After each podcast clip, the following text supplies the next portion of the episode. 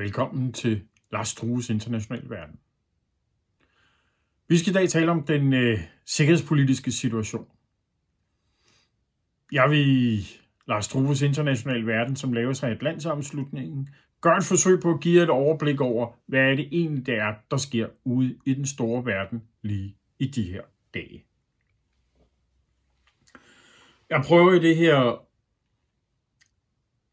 podcast at have et argument, der går ud på, at der er helt generelt set en uro i det internationale system, som vi ikke har set det i mange år.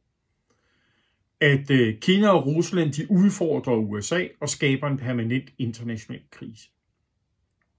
At NATO er en krise, fordi man ikke er enig om, hvad det er for en trussel, man egentlig står overfor. At Mellemøsten vil være ustabil i rigtig mange år, og endelig er erhvervspolitik er blevet sikkerhedspolitik det var mange argumenter på en gang. I vil se dem udrullet. Det vigtigste er nok, at vi har en uro i det internationale politiske system, som vi ikke har set det i mange, mange år. Det gør det rigtig svært for øh, danske politikere, for Udenrigsministerium, for forsvaret, ligesom at holde øje med, hvad, hvad, hvad er det egentlig for noget, vi skal, vi skal holde øje med? Øh, hvad er det egentlig for en, en kamp, vi skal ind i? Jeg vil prøve i det her oplæg sådan, at tale ud fra først, hvad sker der ude i verden? Hvad siger man i NATO, Danmarks øh, vigtigste sikkerhedspolitiske garant? Og hvad siger vi så i Danmark? Jeg synes, det er vigtigt, at man holder sig for øje, at der har været tre skældsættende begivenheder inden for de sidste seks år. Begivenheder, der har ændret international politik på en måde, som gør, at vi i dag må forholde os til tingene på en helt anden måde, end hvad vi bare troede for få år siden. Det første, der nok skete, som vi bør holde øje med, hvis vi, hvis vi skruer tiden seks år tilbage, jamen det var øh, Putins invasion af Ukraine. Putin iværksatte en ulovlig invasion af Ukraine og sidder i dag på, på Krimøen. Det var det ene. Det andet, det var, at præsident Donald Trump, han blev valgt som præsident, og deraf skete der en, en forandring på det i hvert fald retoriske plan af, hvad amerikanerne siger om sikkerhedspolitik. Men også en prioriteringsrækkefølge America First. Og endelig, så skal vi altså holde øje med de der kinesere, hvor at øh, generalsekretær Xi Jinping i øh, det kinesiske kommunistiske parti blev valgt på livstid. Han er altså diktator, og det vil Putin i øvrigt også rigtig gerne være, og Donald Trump han har en fascination af de her stærke mænd. Alt det her skal vi jo så sætte ind i, når nu er vi, at vi er derhjemme i de her dage, så skal vi huske på, at der var altså også en coronavirus, som kan sætte nogle ret voldsomme spor på, hvordan at verden kommer til at se ud.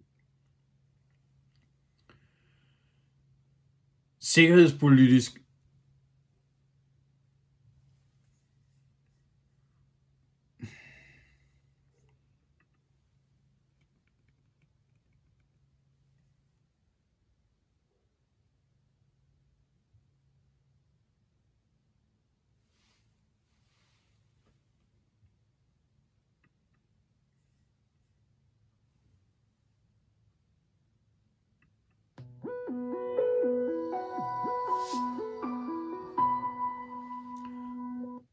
Velkommen til Lars Strues Internationale Verden.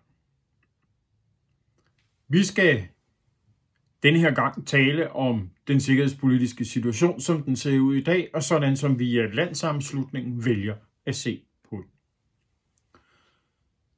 Der er en række argumenter i det her oplæg. Det vigtigste er, at der er en uro i det internationale system, som vi ikke har set det i mange år. Vi ser, at Kina og Rusland udfordrer USA og skaber en permanent international krise. Vi ser, at NATO i sig selv er i krise, fordi man ikke er enige om, hvilken trussel man skal forholde sig til. Og vi ser, at Mellemøsten er og vil være ustabil i rigtig mange år. Og endelig så gør det her samlede uro af erhvervspolitik går hen og bliver til sikkerhedspolitik. Men husk det, der er en uro i det internationale system. Det gør det enormt svært for politikere, for udenrigsministerier, for øh, forsvar, alt hvad der har med sikkerhedspolitik at gøre, at finde ud af, hvad det er egentlig, vi skal holde øje med. Hvad er det egentlig for nogle ting, vi skal prioritere? Fordi der er i virkeligheden så mange ting, vi gerne vil prioritere. Jeg vil i dag prøve at tale først noget om, hvordan ser det ud i hele verden, så ligesom snæver det ind til, hvordan ser det ud, når vi taler NATO og sikkerhedspolitik, og så til sidst kigge på tilfældet Danmark. Der er overordnet set øh, tre større begivenheder, der har ændret sikkerhedspolitik over de sidste seks år. Det første, der skete, det var i 2014, hvor at øh, Putin og Rusland valgte at invadere Ukraine og har besat Krim siden da. Der satte Putin gang i en voldsom forandring af udenrigspolitik. Han havde faktisk allerede sagt det tilbage i 2007, men her gjorde han det virkelig markant. Den amerikanske præsident Donald Trump har også i gang sat en masse ting. Han fokuserer på USA, han fokuserer på, øh, hvad han anser for at være det rigtige, nemlig America First. Og det ser vi afledt i den nationale sikkerhedsstrategi, og vi ser, at Donald Trump og hans folk øh, i meget høj grad peger på Kina og Rusland som skurkene.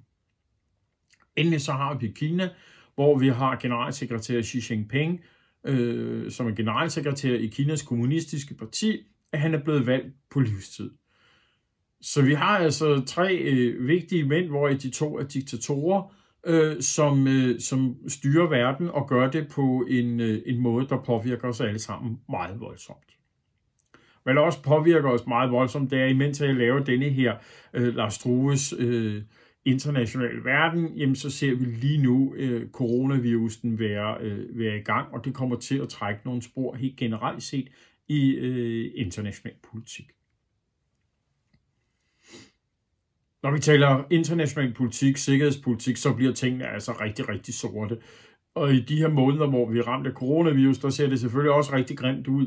Men, men basalt set, så på rigtig mange punkter, så går det godt. Det skal vi altså lige huske, inden vi går ned i denne her øh, nærmest øh, paranoia-ramte øh, virkelighed.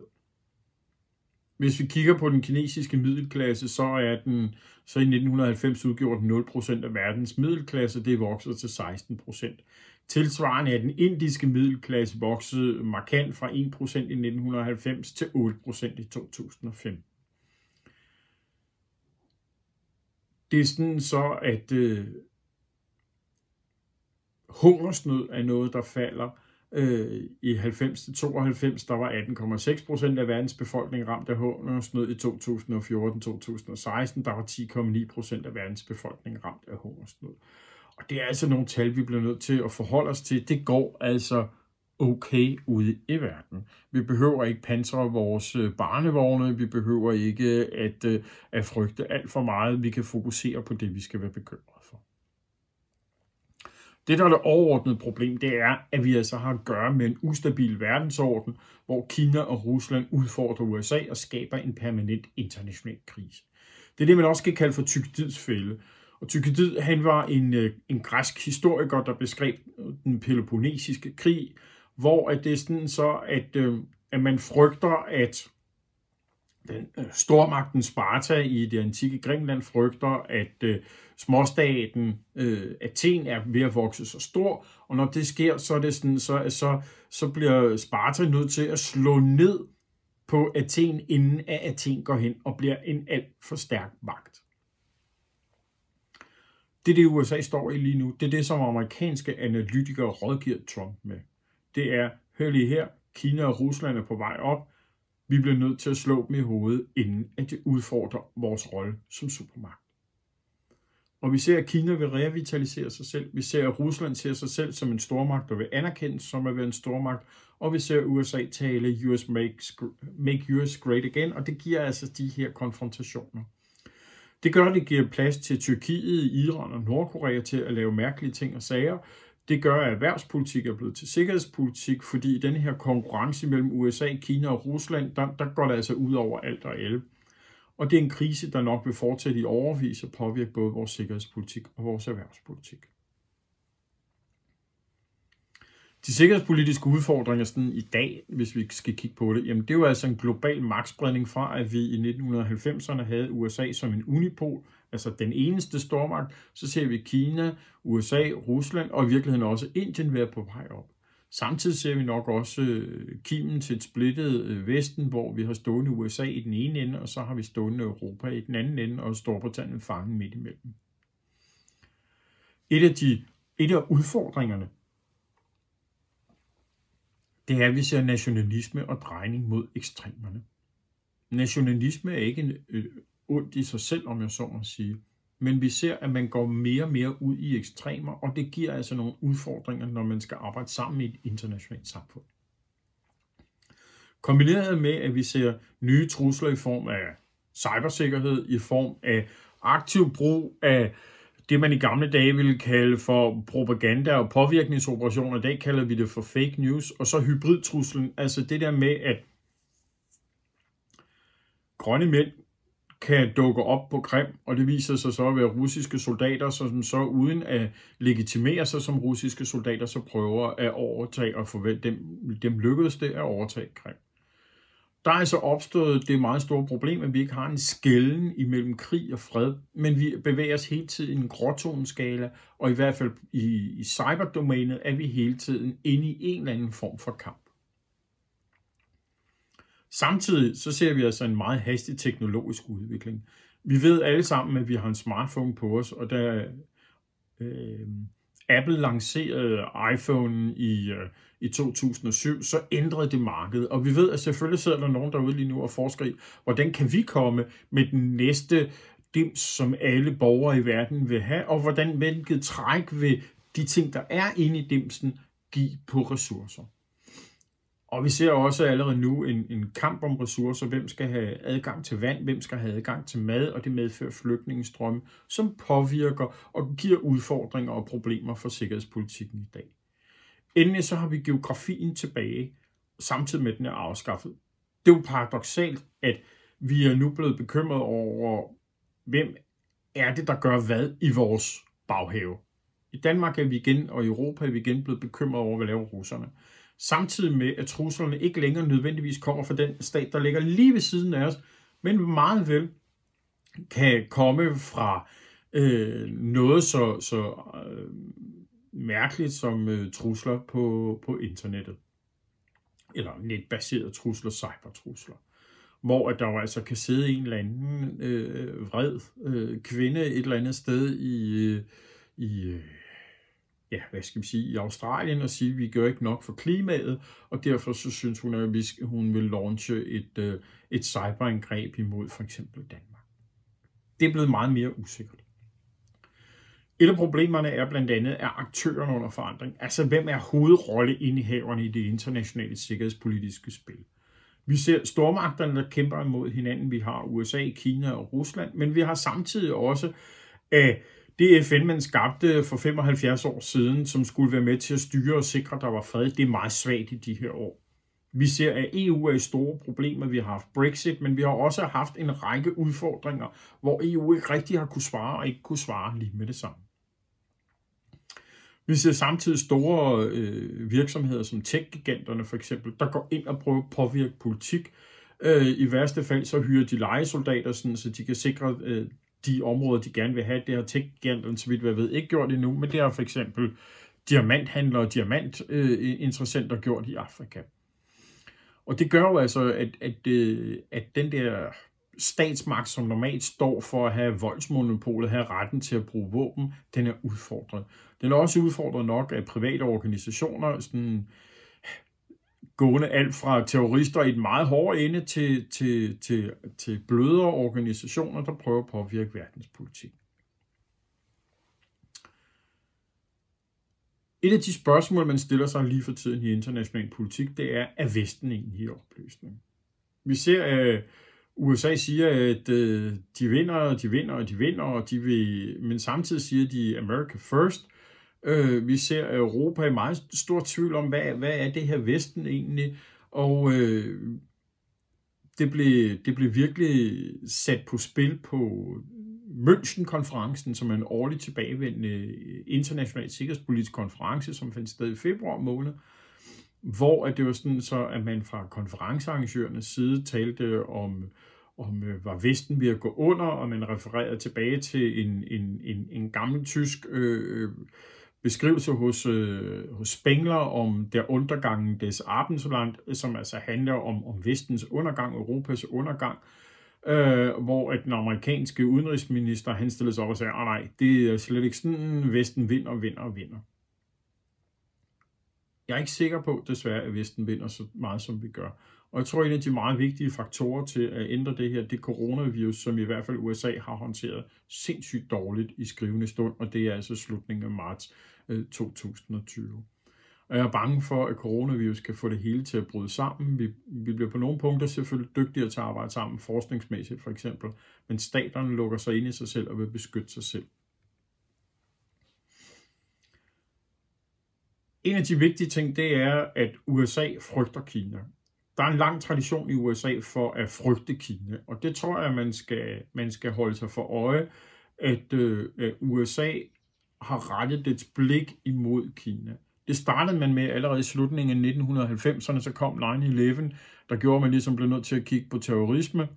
Øh, Barack Obama talte om pivot to Asia, og Donald Trump han har i sin nationale sikkerhedsstrategi fra 2017 virkelig trykket hårdt på spinerne og sagt, at USA bliver udfordret af Kina og Rusland, og det er det, man skal fokusere på. Det får konsekvenser. For eksempel i NATO, der er man nu begyndt at se mod Kina. Det blev helt klart i august 2019, hvor NATO's generalsekretær øh, Jens Stoltenberg han sagde, at nu bliver man nødt til at fokusere på, hvad kineserne gør, og prøve at, at finde ud af, hvad man skal gøre ved det.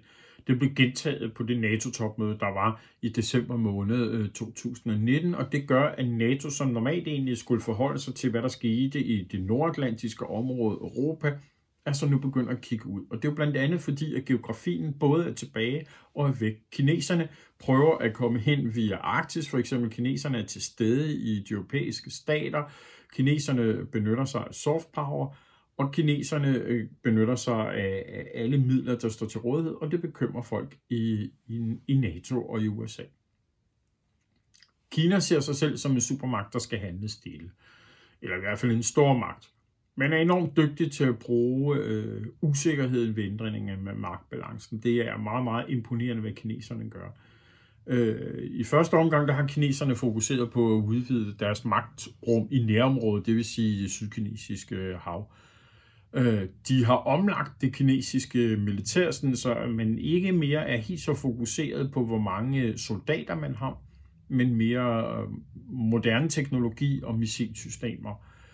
Øh, og så skal man altså huske, at vi har at gøre med et kommunistisk diktatur, der sætter staten for individet, og som er ret ligeglade med os andre. De er, vil måske meget gerne handle sammen med os, men de har i hvert fald sådan så, at, øh, at, øh, det er kun deres egne interesser, de selvfølgelig er interesseret i. Og Kina har jo altså simpelthen ved den 19. nationalkongres i det kommunistiske parti i 2017 fastlagt en strategi, som er en meget langsigtet strategi, og som har et meget længere sigte, end det vi ser i Vesten for eksempel. Og der er det jo altså sådan, så, at man har en række øh, nedslagsfelter, som man arbejder med. Man taler om, at man i 2025 for eksempel vil være førende inden for sådan noget som, som kunstig intelligens. Man siger, at i 2035, der vil man være en, en stat, hvor at, at jeg kan sige, middelklassen har det rigtig godt, og hvor at, at, at alle har det godt. Øh, og så vil man 15 år senere, og, og der skal man nok fokusere på året 2049, som er 100-året for den kinesiske kommunistiske partis magtovertagelse i Kina, at der vil man gerne være en, øh, en, en stormagt. Og det, der bekymrer folk, det er, at man ikke synes, at kineserne er helt, øh, helt skarpe på, øh, om man frygter det med vilje på, om de vil være en stormagt eller stormagt tynd.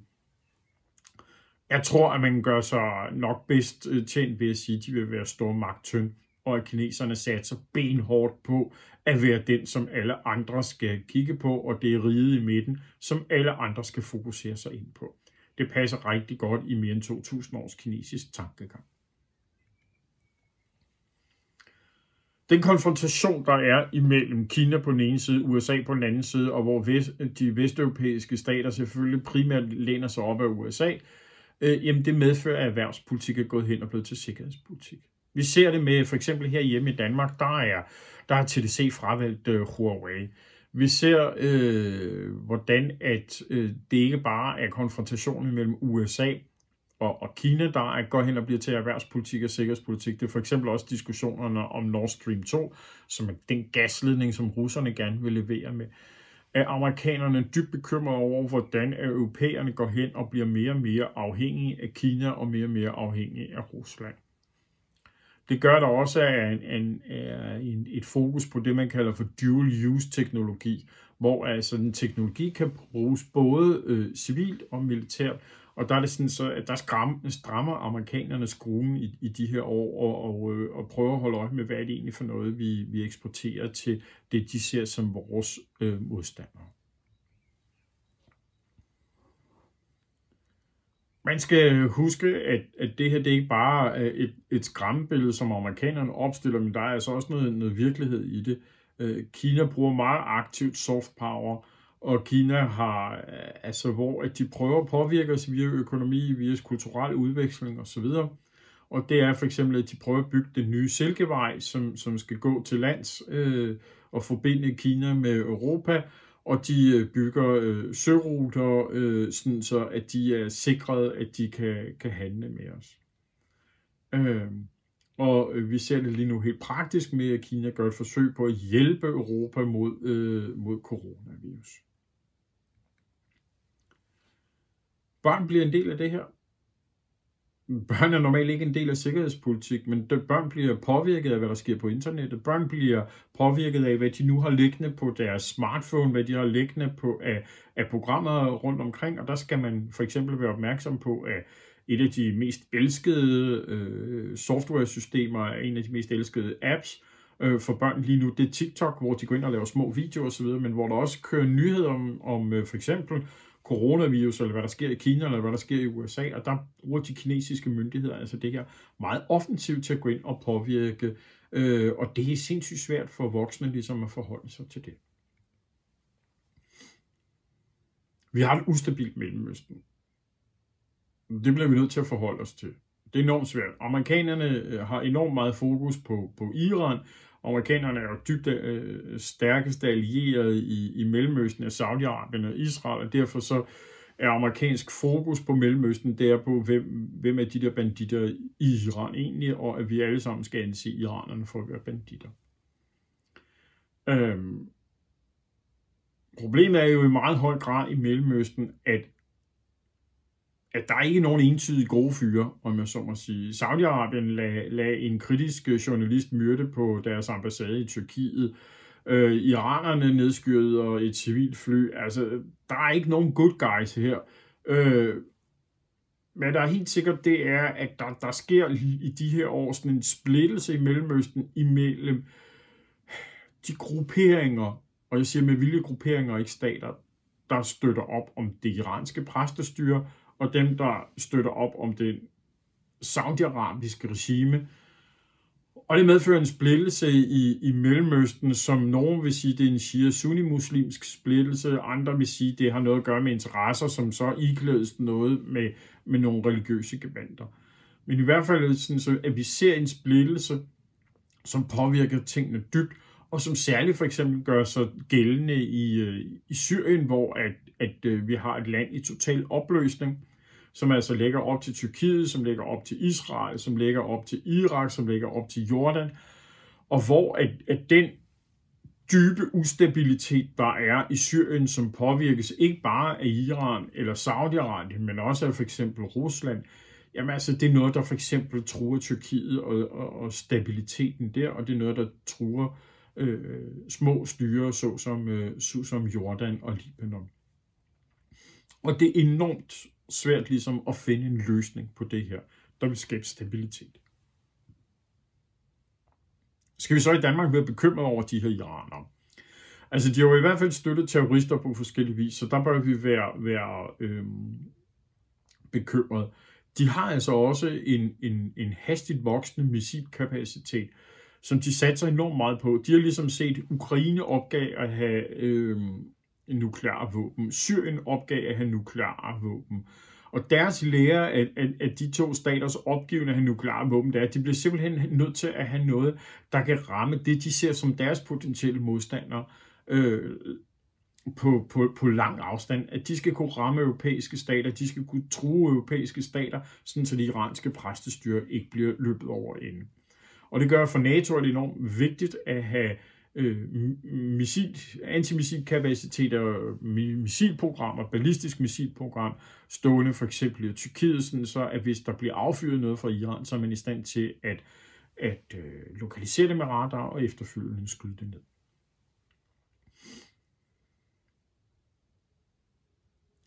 Lige nu, der sker der jo altså det, at, at vi skal være ret bekymrede efter min mening over, hvad der, er, der foregår i Mellemøsten, og særligt hvad der foregår i Iran. Vi har altså et, et præstestyre, der er i gang med at undergrave sig selv. De har håndteret coronavirusen helt vildt dårligt. De løg om nedskydning af passagerfly. De to ting gør altså, at, at deres legitimitet både udadtil, men i høj grad også indadtil bliver udfordret. Samtidig så har vi altså i Iran en enormt dårlig økonomi, som skyldes det sanktionsregime, der er på baggrund af, at amerikanerne ophævede øh, atomaftalen.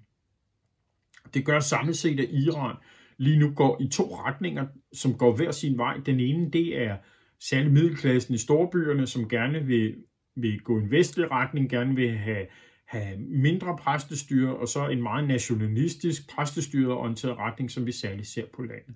Og de to ting kan altså øh, gå rigtig, rigtig galt øh, samlet set og gøre Mellemøsten endnu mere ustabilt. Det er jo noget, der selvfølgelig påvirker os alle sammen. Det påvirker os i NATO, det påvirker enigheden om, hvad det er for et trusselsspil, vi egentlig står overfor. Det gør, at, øh, at NATO er, er, er enige om, at trusselsspillet er forandret, at NATO er enige om, at man må opbygge større og stærkere militære styrker, og det gør man faktisk. Til gengæld så er man uenige om, øh, om hvor kommer truslen fra. Altså kommer den fra Rusland, kommer den fra cyber, hvor vi er usikre på, hvem truslen egentlig bliver båret af. Kommer den fra terror, kommer den fra immigration, kommer den fra Kina.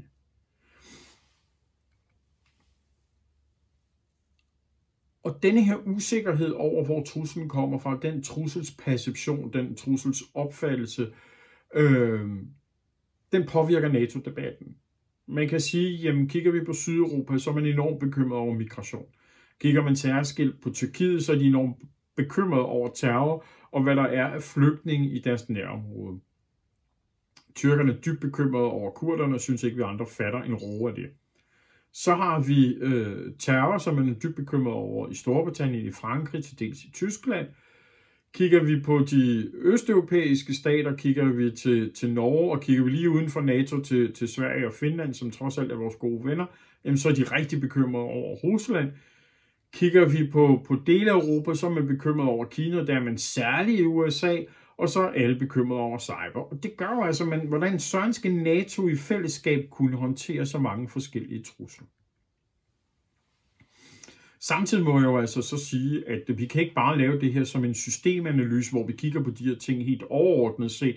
Der er altså også nogle etgoer i gang lige nu i NATO, hvor vi har Trump, Erdogan, øh, Øh, altså den amerikanske præsident, den tyrkiske præsident, den franske præsident, de er altså meget, meget øh, optaget af sig selv og deres lande, og, og det gør, at, at den konsensus, det fællesskab, der skulle være i NATO, det kan være nogle gange en og rigtig svært at se. Samtidig så har vi et fravær af Angela Merkel og et fravær, altså Tyskland, og vi har et fravær af Boris Johnson, som er rigeligt optaget af, hvordan han skal få det her øh, øh, Brexit igennem. Og det medfører altså, at der kommer en manglende retning i NATO og en risiko for en form for splittelse internt i NATO. Fra amerikansk side, så i meget høj grad, så er det største problem for NATO, det er, det er forsvarsudgifterne. Forstået på den måde, at man siden 2014, hvor man havde topmøde i NATO, fastlagde, at alle staterne skulle bevæge sig hen imod at bruge 2% af deres bruttonationalprodukt på forsvaret, så man sikrede sig, at man havde et stærkt nok forsvar til at forsvare sig selv og til at indgå i alliancen. rigtig mange europæiske stater, og særligt Danmark, har holdt tilbage på det her, og har sagt, ja, at vi blev enige om, at vi skulle gå hen imod. Vi blev ikke enige om, at vi skulle nå det. Der er sket en forandring i NATO, som siger, at vi skal faktisk nå de her 2% af øh, bruttonationalproduktet, det skal vi nå i 2023. Det gør, at stater som Danmark og Tyskland i NATO under ret hårdt pres for ligesom at nå frem til det her og investere nok i forsvar. Det gør, at vi, når vi når ned til Danmark, hvad er vores udfordringer i dag, så, så står vi faktisk med en udfordring, som hedder, hvem skal vi egentlig læne os op af? Hvem, skal vi, hvem er vores øh, sikkerhedspolitiske garant? Er det USA? Er det Storbritannien? Er det Frankrig? Er det Tyskland? Hvem er det egentlig, det er, at de her stormagter eller supermagter, vi skal læne os op af? Øh, regeringen valgte, da den trådte til i sit, øh, i sit øh, forståelsespapir med, med dets øh, bagland, ikke at prioritere, ikke rigtig at indskrive udenrigs- eller forsvarspolitik i, i papiret. Og det gør, det kan være lidt svært for os, der sidder og analyserer udenrigs- og sikkerhedspolitik, ligesom at finde ud af, hvor, hvor er det lige præcis, at man, at man skærer kagen. Øh, man har ikke opgivet tilknytningen til NATO, man har ikke opgivet tilknytningen til EU, det, det er indiskutabelt, men hvor meget vægt bliver der lagt på de forskellige ting, det kan man være noget usikker over. Hvis vi skal kigge på analyser af dansk udenrigs- og sikkerhedspolitik over de sidste mange år, jamen altså, så har vi nogle kerneopgaver, nogle prioriteter. Og det er, at man jo selvfølgelig vil prioritere sikkerhed og velstand og give os tryghed samlet set. Og det gør, at man nok fokuserer på nærområdet i første omgang, på Europa. Der er en stor bekymring over flygtninge. Vi skal have noget erhvervsfremme, og når vi har klaret de her ting, så kan vi kigge på sådan det internationale samfund og noget, vi kunne kalde for globale goder. Hvis vi går så ned sådan i, i, i selve dansk forsvarspolitik og kigger på det, jamen altså, så skal forsvaret levere både noget til, til det arktiske område med særligt Grønland, man skal levere noget til internationale operationer, man skal levere noget til beskyttelse i Østersøen og Baltikum, og så skal man levere til nationale operationer. Det er for eksempel, at hvis man besøger København, så kan man se, at Livgarden står i Krystalgade og beskytter øh, beskytter den jødiske synagoge. Det er, at øh, hjemmeværnet for eksempel øh, støtter politiet, når der sker ting og sager. Det gør, at maritim sikkerhed i meget høj grad bliver varetaget af marinehjemmeværnet. Så man har altså en masse forskellige Øh, vi har i hvert fald fire steder, man kan prioritere, og der er det op til politikerne at bede forsvaret om, hvad de skal prioritere. Og prioriteringerne i dansk sikkerhedspolitik, de baserer sig i de her år på danske interesser. Hvad, interesse, hvad hvad får vi mest ud af? Ikke så meget øh, øh talen om politik og værdier, men mere om, hvad er vores interesse. Og der må vi sige, at USA og NATO er Danmarks vigtigste sikkerhedspolitiske leverandører, og spørgsmålet er, om det ender ud i, at vi skal øge forsvarsbudgettet en gang til. Der er en særlig ting i dansk udenrigs- og sikkerhedspolitik, og det er Grønland. Og i Grønland der er interessen i høj grad på ressourcerne. Det er nye søruter, det er muligheden for turisme, det er muligheden for olie, det er muligheden for sjældne jordarter og mineraler, som man altså kan udvinde op. Men i første omgang tror jeg nok, man skal fokusere på det nye søruter, der for eksempel gør, at Kina kan undgå at sejle igennem det indiske ocean, hvor Kina ser risikoen for en konfrontation med Indien, så altså ikke lige i, i morgen, men om 5, 10, 15 år, så de synes, at det vil være rart at kunne sejle en anden vej end igennem det indiske ocean. USA kigger på, på Grønland med vitale nationale interesser. Øh, det er, at de har behov for overvågning. Grønland er ligesom sidste sted inden af flyene, hvis de kommer fra Rusland, eller missilerne kommer fra Rusland. Det er ligesom der, hvor det flyver henover. Øh, så amerikanerne er meget optaget af, hvad der sker i Grønland. Det er det sidste skridt øh, fra Europa inden USA. Og øh, det gør, at amerikanerne holder øje med deres nuværende og tidligere baser. Skal de genaktivere dem? Skal de bruge dem til at opbygge noget? Amerikanerne skal etablere en arktisk havn. Det står i deres øh, statsbudget for 2020, øh, og de vil kunne operere i Arktis, og det gør altså, at, øh, at de kigger på Grønland med, kan de derfor etablere en arktisk havn. Og det gør, at vi altså får det her lidt mærkelige tweet fra, fra Trump, hvor han siger, at han er interesseret i måske at købe Grønland. Men, men det giver basalt set god strategisk øh, mening, hvis vi kigger på Grønland med amerikanske øjne. Hvis vi glemmer, hvis vi lige dropper at sige Arktis, men bare siger Grønland, så er det interessant for amerikanerne. Det er også interessant i NATO-sammenhæng, fordi men har det, man kalder for GI-UK gap. Øh, og det er øh, det område, der er farvand, der er mellem Grønland, Island og Storbritannien, og hen over Færøerne jo også. Og i de her farvand, det er der, hvor at øh, vi skal have forstærkninger fra USA's anden flåde og, og ind til Europa, og det er den vej, at russisk ubåd eventuelt vil operere ud igennem. Så derfor er der, når vi taler Grønland, nogle helt sikkerhedsspecifikke ting for amerikanerne med radarer, med farvandsovervågning. Og det gør altså, at vi har nogle kerneopgaver, nogle prioriteter, hvor vores partner ikke synes, vi lever op til tingene. De mener, når de kigger på radarbillederne, at så er altså Grønland slet ikke overvåget. De mener, at farvandene omkring Grønland ikke er overvåget. De mener, at det gør, at der kan både sejle fly og ubåd igennem de her områder. Øh, og det, øh, det bekymrer dem rigtig meget. Det gør, at så kan vi ligesom vende tilbage til det her. Hvem sådan skal vi egentlig læne os op af i fremtiden?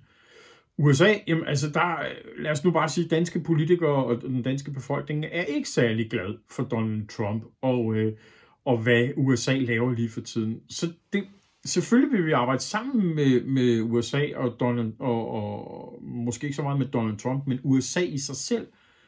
Men, men det er så svært, så længe at øh, Donald Trump er ved magten. Storbritannien, jamen, altså, de er jo optaget af Brexit, og de, øh, det er jo ikke gennemført endnu. Øh, og, og øh, det gør det også svært for os ligesom at, at, at have Storbritannien som en pålidelig første sikkerhedspartner.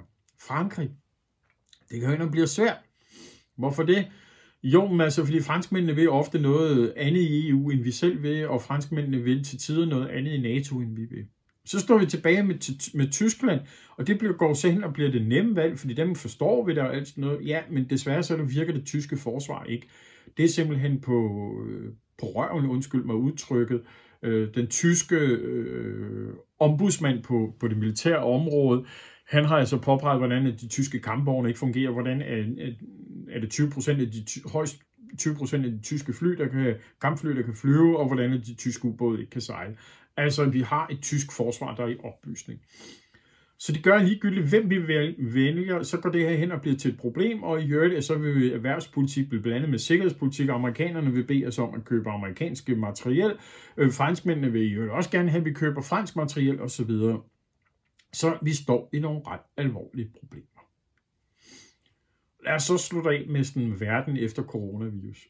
Men der er lige nu to modsatrettede tendenser, som kommer til at påvirke dansk øh, udenrigs- og sikkerhedspolitik. Og det ene, det er, at øh, vi har de mennesker, der går den internationale vej, som ønsker et øh, mere internationalt samarbejde, som peger på, at vi kun kan komme øh, for eksempel en epidemi som coronas over ved et internationalt samarbejde. Og så står der de andre, som ligesom siger, jamen vi skal kigge nationalt, vi ønsker, at vi fokuserer langt mere på os selv som en enkelt nation. Øhm, og og problemet er, at begge parter har sådan set nogle, nogle valide og gode argumenter for den vej, de ønsker at følge, og det vil være noget, der vil påvirke dansk øh, udenrigs- og sikkerhedspolitik de næste mange år. Tak fordi du fulgte Lars Trues International Verden, som laves af landsammenslutningen. Book os til foredrag, book os til en øh, masterclass. Tak for denne gang.